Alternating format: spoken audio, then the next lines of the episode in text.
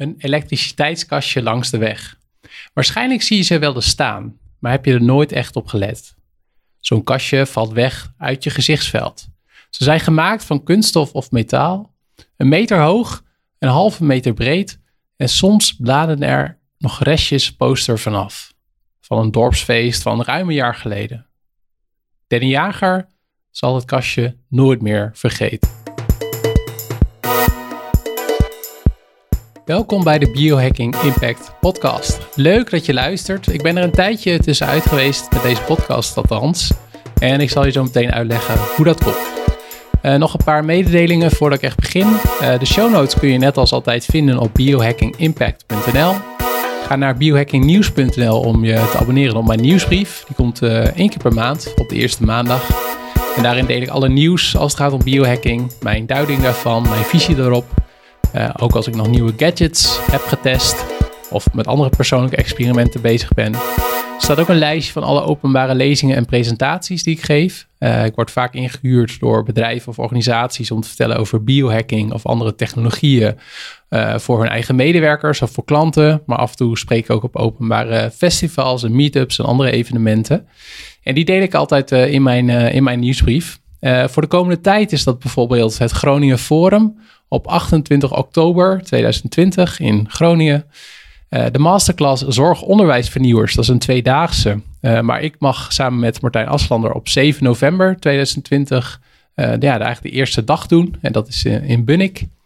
Dan Brave New World conferentie op 9 en 10 november 2020 in Leiden. En de laatste is de Biohacker Summit op 7 en 8 mei 2021 in Amsterdam. Nou, voor al deze data geldt, ze zijn natuurlijk wel onder voorbehoud. Ik heb geen idee hoe dit gaat ook met uh, COVID-19. Op het moment dat ik het opneem is het uh, eind juli. En, uh, maar in de nieuwsbrief staan ook linkjes naar al deze evenementen. Dus daar kun je ook zien, dan kun je ook eventueel een kaartje kopen en zien waar het is, hoe laat het begint en dat soort dingen. dus als je daar naartoe gaat, als je geïnteresseerd bent in een van deze evenementen, of het nou in Groningen is of als je in het zorgonderwijs werkt, uh, of als je naar Brave New World of de Biohacker Summit wil, uh, iets voor 2021, dan vind je dat allemaal in mijn nieuwsbrief. En ook alle vorige edities van de nieuwsbrief, die vind je terug als je gaat naar biohackingnieuws.nl. Dus als je nog even wil oriënteren om te kijken wat ik nou naar je inbox stuur elke maand, dan kun je daar dus vorige edities terugvinden. En uh, als je het leuk vindt, kun je daar ook inschrijven. Zoals ik al zei, is dit een, ja, een speciale aflevering en er gaan nog meer van deze komen. Want uh, het was ongeveer, denk ik, halverwege eh, maart, april.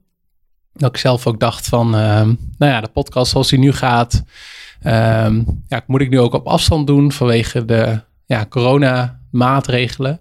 En ik merkte dat ik daar zelf ook wat minder plezier in had. Om ook uh, ja, dat via Zoom te doen. Kan wel heel goed hoor. Um, maar ik merkte, en ik merkte ook van ja, ik weet niet hoe ik, op welke manier ik ja, hiermee verder wil. En um, dat is natuurlijk ook helemaal niet erg. Ik bedoel, het is mijn podcast, dus ik mag gewoon zelf weten wanneer ik iets uh, publiceer en niet. Dus ik had even een pauze genomen. Ook met het idee van, nou, ik ben wel benieuwd wanneer het weer begint te kriebelen. En dat begon, uh, nou, ik denk ongeveer twee, drie weken geleden.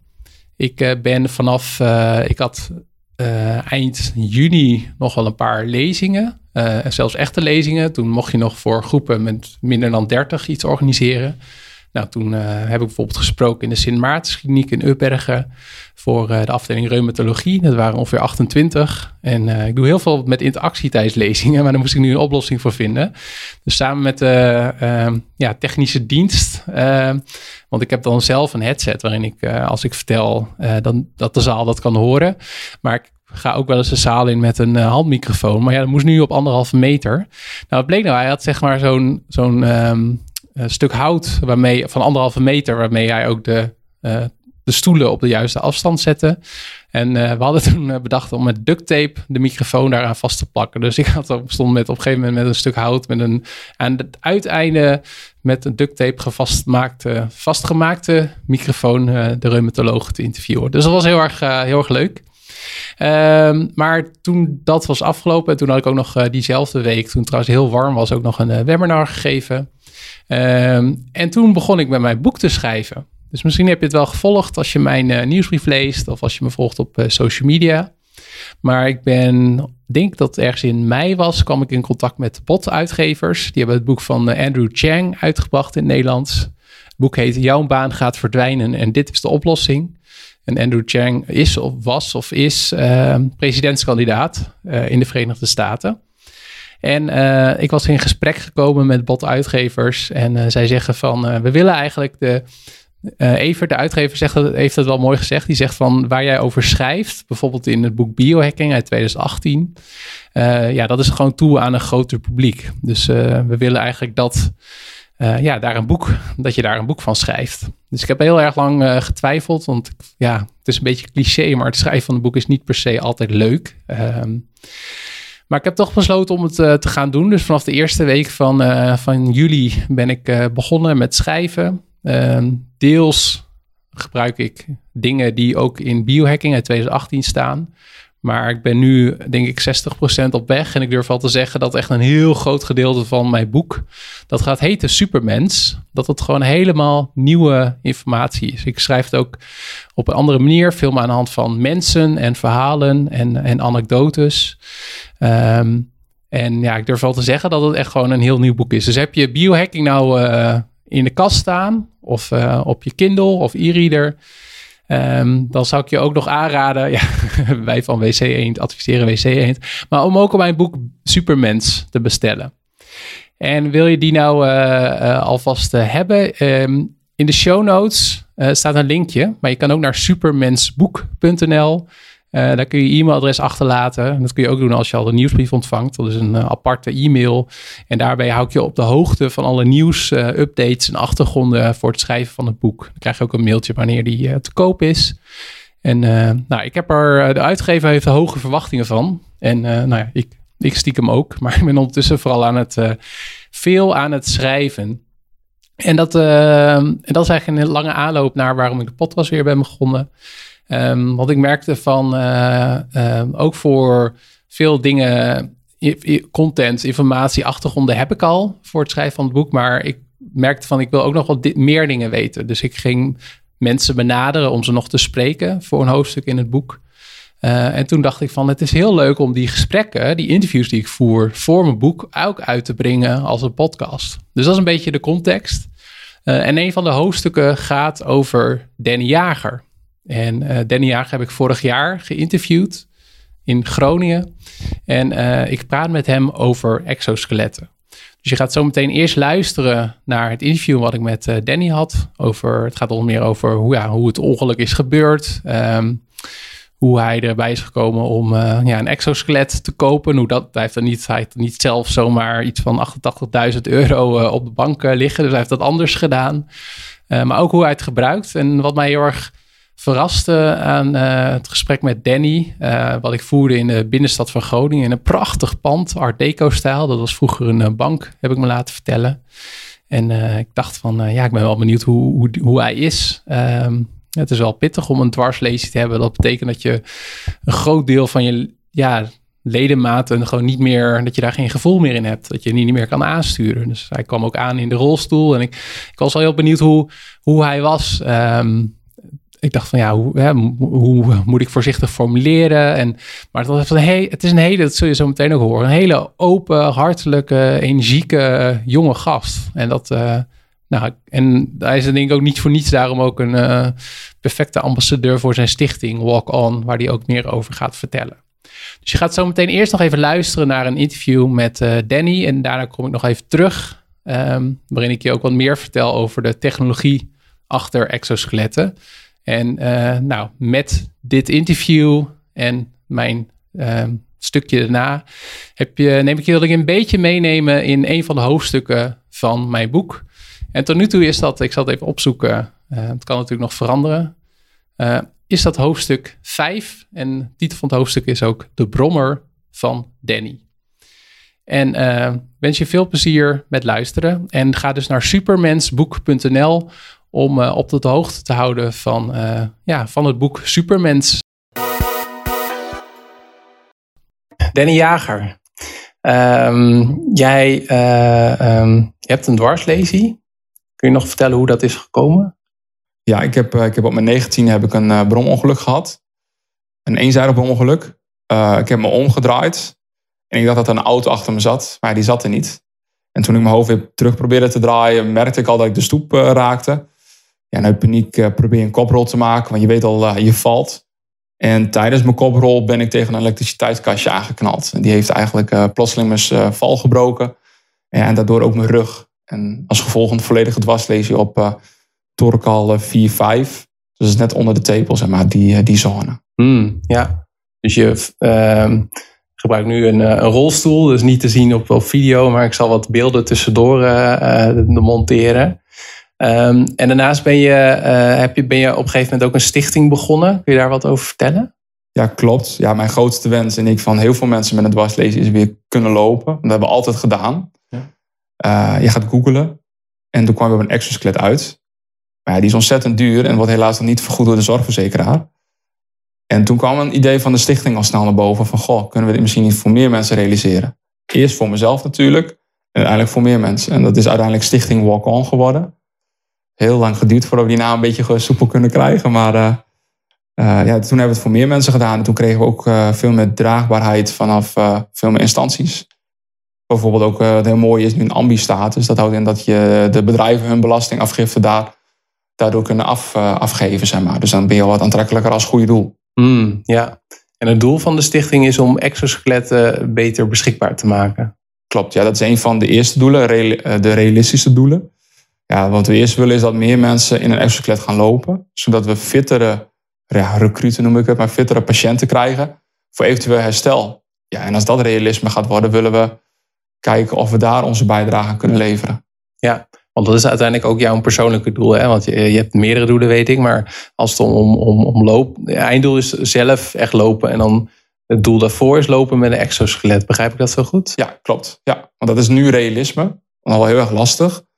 Maar ja, je kan lopen en dat is belangrijk voor je lichaam. Voor je gezondheid.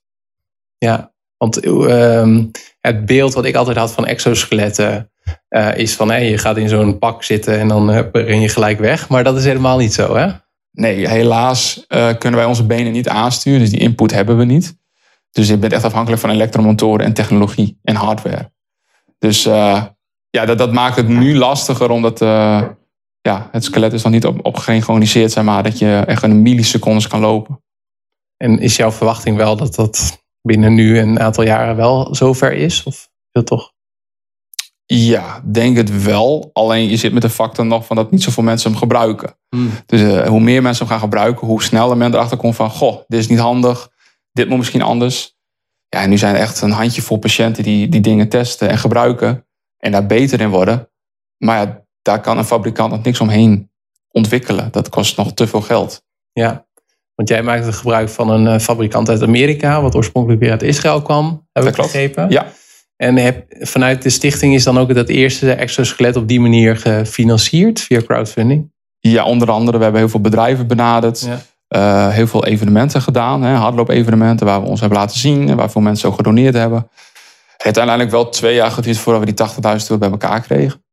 En nou, toen hebben we het geld overgemaakt in etappes. En uh, mocht ik erin lopen. En dan was uiteindelijk na de twee laatste betaling was je ook echt voor ons. Hmm. Dus we hadden hem al iets eerder maar met een afbetalingsregeling konden we hem uh, iets eerder gebruiken. Ja, en was het, hoe was het dan dat je voor het eerst in zo'n ding stapt? In het begin heel erg emotioneel. Hè? Je wordt heel veel nog geholpen, want het kost ontzettend veel kracht. In je lichaam is het niet gewend. Um, maar echt ja, goed, het voelde alsof er niks meer aan de hand was. Je staat weer, je loopt weer. Nou, echt wel, na een, zeker een half uurtje was ik wel heel erg moe, zeg maar. Want je lichaam zoveel moet geven en die snapt het allemaal niet. Uh, dat, dat, dat eerste wat ik al zo had, is wel heel erg zwaar. Dat was een beetje een domper. Maar aan de andere kant, ik liep wel weer. Dus die motivatie mentaal was wel van, goh, ik kan wel. Hmm. En wat was het uh, zwaarst? Voor welke spieren was het zwaarst? Ja, vooral de armen en de rompstabiliteit die ik nog heb. Ja, dat kost ook heel veel kracht om je rechtop te houden. Hmm. Maar vooral mijn armen waren best wel moe. Ja, want met die armen eh, steun je daar dan ook op? Of heeft dat dan te maken met hoe je, hoe je hem aanstuurt? Ja, we, hebben, we hebben nu nog wel krukken nodig, omdat het skelet zomaar iets kan doen. Daar hebben we geen input op. Dus we hebben wel uh, krukken nodig om ons in balans te houden. Hmm. En uh, kun je vertellen hoe, je, uh, hoe die aansturing is? Want dat doe je vanuit je horloge, begrijp ik. Klopt, nu nog wel vind ik. Dat vind ik dus iets wat niet praktisch is. Maar je hebt dus een paar commando's. En er zit dus een lichtje in, een symbooltje. Maar ja, bijvoorbeeld als de zon erop schijnt, dan zie je het niet. Maar je kan dus een paar uh, symbooltjes aanklikken, commando's. Dus je hebt het zitcommando. Dus dan klik je hem in, dan hoor je drie piepjes en dan gaat hij zitten. Dan heb je het staancommando, dus ook hetzelfde, drie piepjes. Uh, je hebt het traploopcommando, dan hoor je één piep. Dus, maar dan gaat hij best wel snel. Zeg maar. Dus dan moet je echt wel uh, goed timen zeg maar, als je er bent. en het loopcommando natuurlijk. En dat is ook één piep. En dan gaat altijd het rechterbeen als eerste. En dan ga je rechts, links, rechts, links. En zo loop je met het pak mee. Dus je benen doen helemaal niks. Alleen Mm. meelopen. Ja, ja.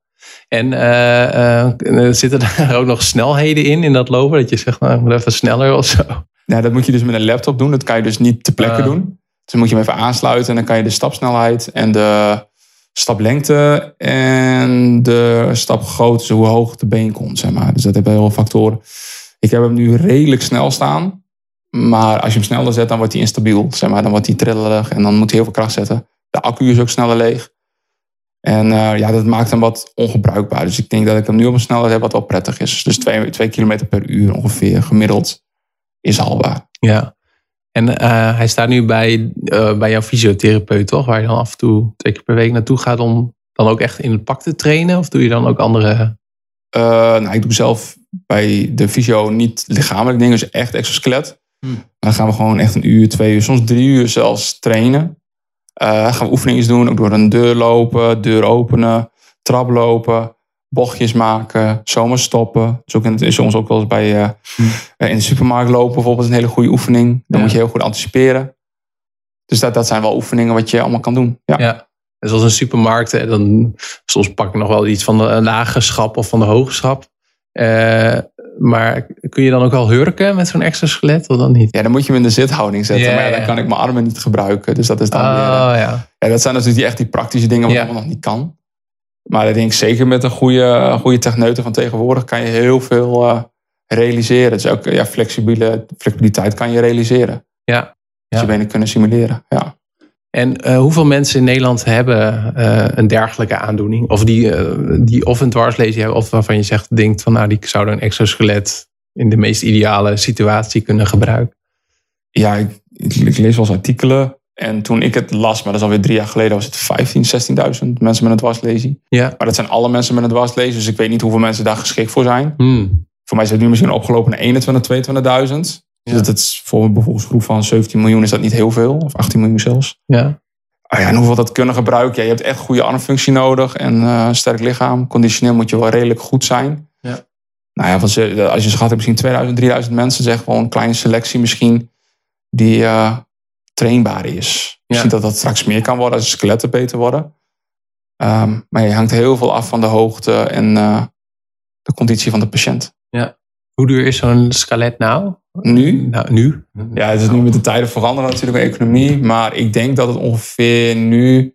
Ja, onze die kost een ton nu, omdat die instelbaar is. Maar ja, tussen de 90 en de 90.000 euro een ton. Ja, dat is Ja. de veranderde economie.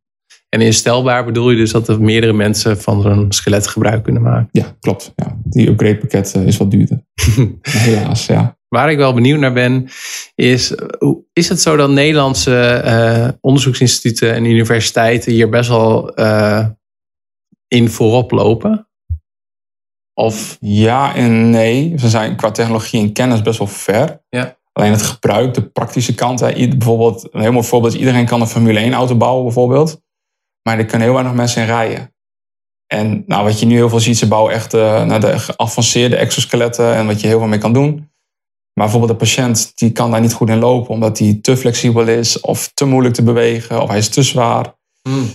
Dus ja, dat zijn gebreken. En het is ook lastig, want je moet bijvoorbeeld ook heel veel mensen op de been krijgen, mobiliseren, om zo'n onderzoek te starten. ja, Dus vandaar dat, dat Nederland misschien daar niet, zich niet zo mee bezighoudt. Dus meer met de technologie bezig. Ja. En met omringende landen van, goh, hoe doen jullie dat? ja, ja.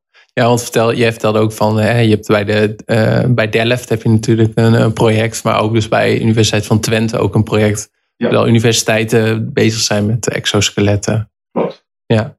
En eh, wat ik me wel afvroeg is, eh, ehm, die exoskeletten, hoe gebruiksvriendelijk zijn die? In de zin van, ga- gaat er wel eens wat stuk of zo? Of, eh, Ja, ja, zeker. Er komen vele krachten op natuurlijk van je lichaam. Ja, dus een been kan blijven haken, schroeven kunnen losgaan. eh, lagering van het skelet kan natuurlijk een keer vast gaan zitten. Ja. Elektromotoren kunnen vallen, accupakketten kunnen kapot gaan. Dus er zijn echt wel heel veel dingen Nou, wat ik nog niet echt mee heb gemaakt, maar wat je wel hoort, wat wel veel komende problemen zijn van zo'n skelet. Hmm, ja. Je vraagt heel veel van een component. Ja, ja.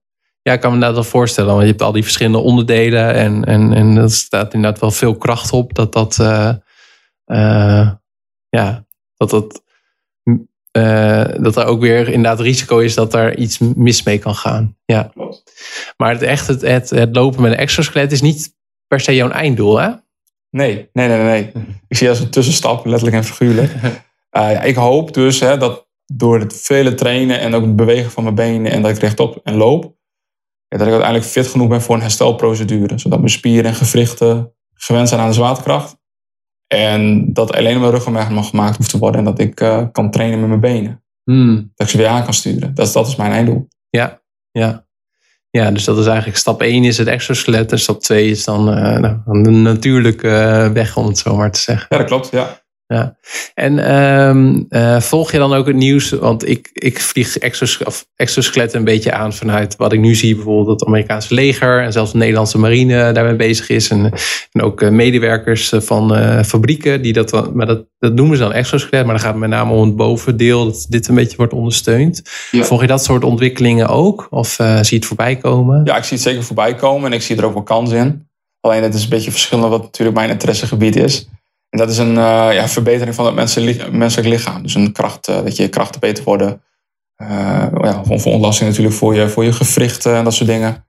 Dus ja, ik volg het wel, maar ik ben daar niet zo mee bezig. Ik weet de fabrikant ongeveer wel wat er mee bezig is. Ik vind het ook heel interessant. Maar, maar ja, ik ben me echt aan het focussen aan de doelen wat mij verder kunnen helpen. Zeg maar, met die fabrikanten en onderzoek, ja. onderzoekers. Ja. ja. En, en, nog even terug te komen op jouw stichting. Het doel van die stichting is om ook te zorgen dat meerdere instelbare exoskeletten ook uh, ja, beschikbaar zijn. Ja, ja, dat we echt een partij worden in de dwarslezenwereld. Ja, misschien daarin kunnen groeien en wie weet uiteindelijk ook wel uh, mensen kunnen helpen met de, nou, de weg naar herstel. Mm -hmm. ja. De ervaringen.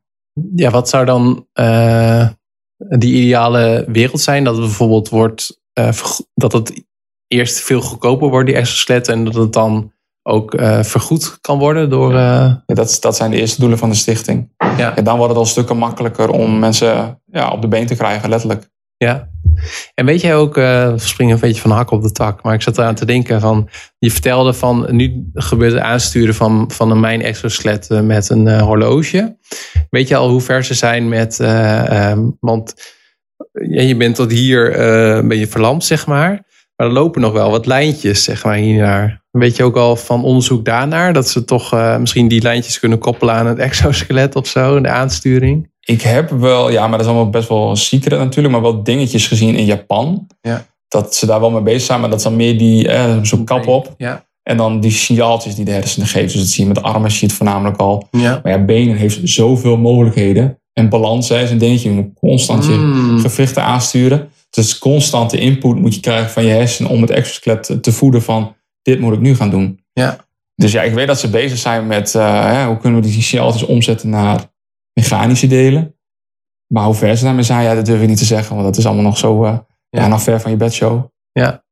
Nee, want ik heb daar, nu je het zo zegt, inderdaad dat brain-computer interfacing ook wel echt wel mooie voorbeelden gezien van een vrouw die dan met zo'n robotarm uh, wat kon drinken. Correct, ja. Maar nu inderdaad, nu je zegt van, uh, had ik nog niet zo bij stilgestaan. Maar dat, dat, dit, is, dat, dit is wel moeilijk zat natuurlijk, zo'n beweging. Maar dat, wat jij zegt, van, je hebt ook nog balans en, en omgeving. Dat er, had ik nooit bij stilgestaan. Maar dat er waarschijnlijk een groter hersengebied voor, bij betrokken is dan, dan met de handen, zeg maar. Ja, ja klopt. Ja. ja. Maar dat zou natuurlijk helemaal mooi zijn dat je niet meer zo'n horloge hebt. Maar uh, bij wijze van dat je echt denkt van ik doe nu een stap en dan ga je ook een stap zetten. Klopt, ja, dan hoef je de rolstoel niet meer te gebruiken. Dat maakt dingen al zoveel makkelijker. Ja. Trappen, uh, dingen in de supermarkt. Natuurlijk hou je nog wel nadelen, maar dan zijn er al heel veel meer voordelen dan nadelen. Ja, ja. Nou, je hebt een, een, een, vind ik, een inspirerend verhaal. Uh, ik heb nog wel twee vragen. Van wat zijn, uh, ja, we hebben het net gehad over het einddoel lopen, maar je hebt nog meer doelen. Ja, ja, ja natuurlijk. Uh, nou, ik, ik doe aan sport. Ik doe het eerste jaar of twee jaar nu aan handbiken. En ik probeer daarin te groeien omdat ik kansen zie. Uh, ja, natuurlijk, de, als je een droom van de sport benoemt, is natuurlijk de Olympics of in mijn geval de Paralympics. Ja, misschien ook nog medaille winnen natuurlijk. Dat is nog helemaal gaaf, want die blijft in de geschiedenis. Ja. Um, maar daar gewoon voor te gaan. Het beste uit jezelf halen. Ja. Als dat mogelijk is. Ja. En de opleiding die je gaat afronden, want je werkt ook gewoon als uh, bij AVB. Uh... Klopt. En uh, ja, de opleiding, het is natuurlijk goed dat je jezelf ontwikkelt en ja. ja, blijft leren. En dat is ook een van mijn doelen, mijn diploma halen weer. Ja. En als mensen die kijken jouw stichting willen steunen, waar kunnen ze dan naartoe? ja, je kan googlen op Stichting Walk On. En op ja, www.stichting-walk-on.org gaan we nog veranderen. Die uh, zou ik maar in ieder geval daar kan je op zijn. Van dat is een beetje een moeilijke vindbaarheid. Maar op Stichting Walk On kan je sowieso, uh, daar vind je ons heel snel. Ja, nou hartstikke goed. Ja. Uh, Danny, dank, bedankt voor dit gesprek. En jij ook bedankt. Yes. In het laatste deel van deze podcast vertel ik je nog meer eigenlijk over de toepassingen en verdere ontwikkelingen als het gaat van deze technologie van de exoskeletten. En teams over de hele wereld werken eigenlijk aan de doorontwikkeling daarvan. Uh, ook studententeams uh, aan de Universiteit van Delft en ook een ja, gemixt team van promovendi en volgens mij uh, ja, wetenschappers aan de technische aan de Universiteit van Twente. Die werken aan de doorontwikkeling van de exoskeletten. En om het vooruitgang te testen, doen ze ook jaarlijks mee aan een internationale wedstrijd, de Cybathlon. Of Cybathlon, Cybathlon denk ik. En een van die onderdelen is de Powered Exoskeleton Race, waarmee ja, de bestuurder van zo'n exoskelet eigenlijk door allerlei obstakels moet. Um, dat klinkt nu heel erg uh, fancy, maar dat is dingen zoals opstaan uit de stoel, uh, traplopen of over een oneffen oppervlakte lopen. En het team uit Delft heeft de wedstrijd al een paar keer uh, gewonnen. En ik ben ook in gesprek met, uh, met March, heten ze, om daar ook een keer langs te gaan en om hen ook te interviewen voor deze podcast. Dus dat komt mogelijk later. En wat vanuit het eh, perspectief van, van mensverbetering, vanuit biohacking interessant is, is dat deze technologie eigenlijk ook de sprong maakt van de gezondheidszorg naar ja, toepassingen voor tussen aanhalingstekens gezonde mensen. Dus van genezen naar verbeteren. Zo gebruikt de autofabrikant Ford, die gebruikt een ander type exoskelet. Dus niet die Danny heeft om uh, eigenlijk de medewerkers te ondersteunen. En die werken in de assemblage van de auto's. Dus dat is ook met name om veel voor ja, monteurs die veel boven hun hoofd uh, werken. De Nederlandse marine gebruikt een uh, vest van het merk Levo om de rugbelasting uh, te verminderen voor de medewerkers in het magazijn. Dus dat de mariniers, voor zover ik weet tenminste, met exoskeletten lopen. Maar het Amerikaanse leger, die is dat wel aan het testen met fabrikanten zoals Lockheed Martin. En um, dus dat is ook interessant om te volgen van hoe wordt die technologie daar eigenlijk gebruikt. Wat ik uh, zelf het meest verrassend vond aan, uh, aan het gesprek met Danny. Ik had al het idee dat, uh, nou ja, misschien een beetje naïef of gebaseerd op science fiction films. Dat je als bestuurder van zo'n extra skelet denkt aan het zetten van een stap. En dat het skelet dan een stap doet. Maar ja, zoals Danny eigenlijk ook al verteld, is dat niet zo. Hij drukt op een knopje en dan gaat eerst, dan klinken er drie piepjes. En dan gaat eerst de rechtervoet vooruit, of been. En dan linker en dan rechts en links. Wil die stappen, moet hij weer op een knopje drukken. Op zijn horloge. Um, dus dat is natuurlijk nog wel, dat is niet zo dat je die gewoon aandoet ochtends en dan s'avonds weer uitdoet en dat je voor de rest alles kan doen wat je uh, kan doen als je geen dwarslesie hebt. Maar toch vind ik de ontwikkelingen op dit gebied, die stemmen toch ook wel weer positief. Al is het altijd wel dat vraag hoe lang het dan duurt. Um, dus in mijn boek haal ik ook een onderzoek uit wat eind 2009 10 in een paper um, uh, ja, bekend werd. En dat was namelijk voor het eerst dat iemand, uh, een dwarslesie, een 30-jarige Fransman, Thibaut, hij werkt als opticien, uh, die kon met behulp van hersensignalen zijn exoskelet bedienen. En dat werkt dus via brain-computer interfacing. Hebben ze een aantal um, ja, sensoren in zijn brein. Die, daar heeft hij daarin getraind. Van moest hij denken zeg maar, aan, aan een bepaalde handeling. Ik weet niet per se of dat nou lopen is of niet. Maar hebben zij dat ook met slimme computersoftware kunnen analyseren en hem dus kunnen trainen. Zij heeft heel veel ja, gesimuleerd als het ware, dat, dat hij daarmee kan, kan lopen. En dat is een succesvolle test geweest. Uh, ik moet wel eens bij zeggen dat het was in het laboratorium. Dus niet dat hij buiten in uh, Parijs of waar dan ook uh, over straat liep. En hij, liep ook, hij hing ook vast aan het plafond. Dus het zit er nog wel wat, ehm, zodat hij niet kon omvallen. Um, maar het is wel een, vind ik, een hele interessante ontwikkeling. En dat vind ik ook sowieso, merk ik nu, nu ik het boek schrijf, eigenlijk wel de meest interessante dingen zijn niet zozeer op één specifieke wetenschappelijke domein, in dit geval bijvoorbeeld exoskeletten, maar juist in de combinaties van domeinen, in dit geval exoskeletten en brain-computer interfacing. En op het moment dat die samenkomen, dan zie, zie ik dus hele interessante toepassingen. Maar het is nog wel lastig om te zeggen wanneer Thibaut of Danny daadwerkelijk gewoon de straat op kan in, in Wagenborgen of in, in Frankrijk met zo'n exoskelet die ze met hun hersenen aansturen. Het zou mij fantastisch lijken, alleen het is nu nog gewoon hele dure technologie. En vandaar dat het fantastisch is dat Danny in staat was om dat via crowdfunding eigenlijk te financieren. Dus dat, uh, ja, dat blijf ik met veel interesse volgen. En de mooiste uitspraak vind ik nog wel wat het kan bieden, behalve dat, dat, dat Danny vertelt wat het voor hem doet, is uh, de Fransman Thibaut van, uh, van het onderzoek waar ik je net over vertelde. En hij beschrijft hoe het was. Hij zegt: Het was alsof ik de eerste man was die op de maan liep. Nou, ik denk als, je, als we dat kunnen bereiken met gebruik van wetenschap en technologie, en in dit geval om patiënten te helpen, ja, dat is alleen maar fantastisch. Dus dit was. Uh, bedankt voor het, uh, voor het luisteren. Uh, dit is dus een nieuwe podcast, nieuwe stijl. Ik noem het de Supermens-serie. Waarin ik interviews deel die ik in het kader, die ik heb gevoerd in het kader van mijn boek. De Supermens, die in najaar van 2020 uitkomt bij Bot Uitgeverij. Bedankt dus voor het luisteren naar deze podcast en het interview met Danny. Vergeet je niet te abonneren op mijn nieuwsbrief. Ga daarvoor naar biohackingnieuws.nl. Daar kun je ook vorige edities uh, terugvinden. En in die nieuwsbrief deel ik alle actualiteiten, alle nieuwtjes, uh, mijn duiding daarvan ook, van al die nieuwtjes. Persoonlijke experimenten die ik zelf doe en alle openbare lezingen en presentaties die ik geef.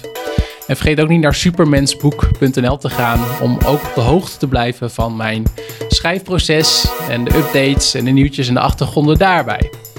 Uh, tot slot is mijn vraag voor jou deze keer: zou je zelf een exoskelet willen dragen? En als, als je dat zou kunnen, wat zou je daar dan mee willen doen?